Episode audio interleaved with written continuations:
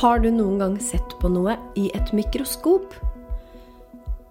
Kanskje du fanga små dyr fra en dam eller et lite tjern på barneskolen og så på insektene? Hvis du f.eks. tar et utsnitt fra et blad eller en grønnsak, f.eks. skallet på en løk, og legger under lupen, vil du kunne se cellene. Ved å zoome inn nok vil du se et nett av bitte små øh, rom, kan vi kalle det. Og det er nettopp derfor disse rommene har fått navnet celler. Velkommen til Naturfaghjørnet.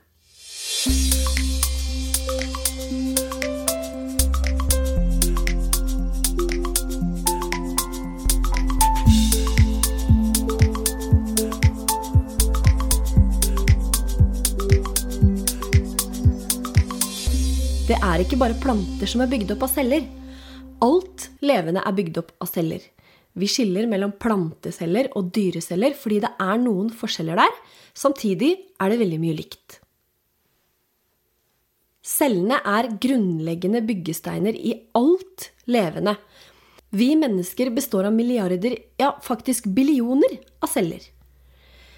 Men det går an å være et enkelt levende vesen som bare har én celle. Da kalles det for en encellet organisme. Bakterier er eksempler på dette.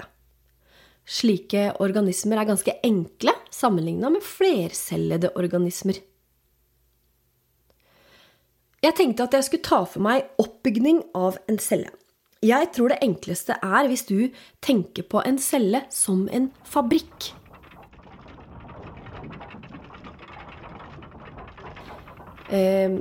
Cella er liksom en enhet som har sin jobb, og som er spesialisert på det. Muskelceller har jo en litt annen jobb enn f.eks. nerveceller. I en fabrikk så er det mange oppgaver som skal gjøres, og alle avdelinger er avhengig av hverandre for at jobben skal bli gjort skikkelig. Litt sånn er det i en celle. Inni cella er det ulike avdelinger, eller celledeler, som jeg kommer til å kalle det fra nå av. Celledelene flyter rundt i en væske som heter cytoplasma. Eh, væsken er for det meste vann, men har også mange stoffer i seg som cellen trenger. Cellen er omsluttet av en hinne, eh, eller en, en vegg, da, som kalles cellemembran. Det er på en måte skallet til cella og passer på at det som er inni der, holder seg der. Eh, membranen er likevel ikke helt tett, for noen stoffer skal ut og inn av cella, og membranen er spesiallaga for akkurat det og vet hvilke stoffer som skal slippes igjennom. Som nevnt har cella mange ulike deler som må jobbe sammen, og som må vite hva de skal gjøre. Hvordan vet en celle alt dette? Jo, svaret ligger i cellekjernen, et lite rom midt inne i cella som inneholder arvestoffet. Arvestoffet er et langt molekyl som ofte kalles DNA, og er som en oppskriftsbok som vet hvordan hele kroppen skal se ut, eh, og hva alle deler i kroppen skal gjøre. Rundt cellekjernen er det også en membran. I DNA-et vårt så står det altså instrukser til cella hvordan den skal gjøre jobben sin.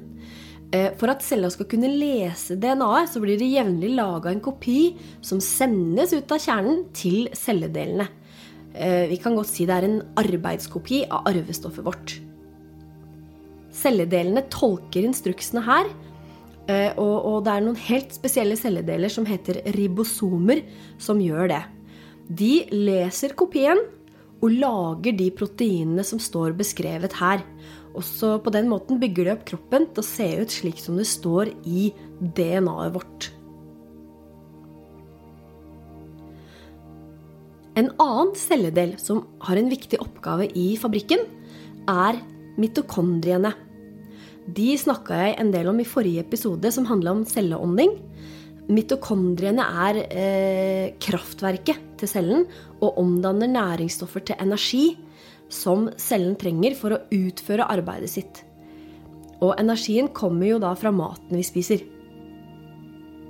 Har også lyst til å nevne en, en del til som har en viktig jobb inni cella, nemlig lysosomene. Lysosomer har en viktig ryddejobb i cellefabrikken. De inneholder noen enzymer som bryter ned stoffer som cella ikke har bruk for lenger, eller stoffer som ikke skal være der, f.eks. fra bakterier eller lignende. Du kan tenke på lysosomer som søppelbilen som kommer og drar rundt for å ta med seg alt raskt etter folk.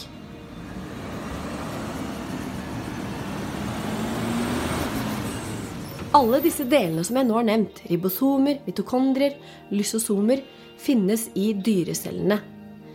Eh, som dyra og oss mennesker er bygd opp av. Plantecellene er i stor grad ganske lik, men eh, har i tillegg noen egenskaper som ikke dyrecella har. Plantecella har jo nemlig kloroplaster, som jeg også snakka om i forrige episode. Det er den delen som sørger for fotosyntesen.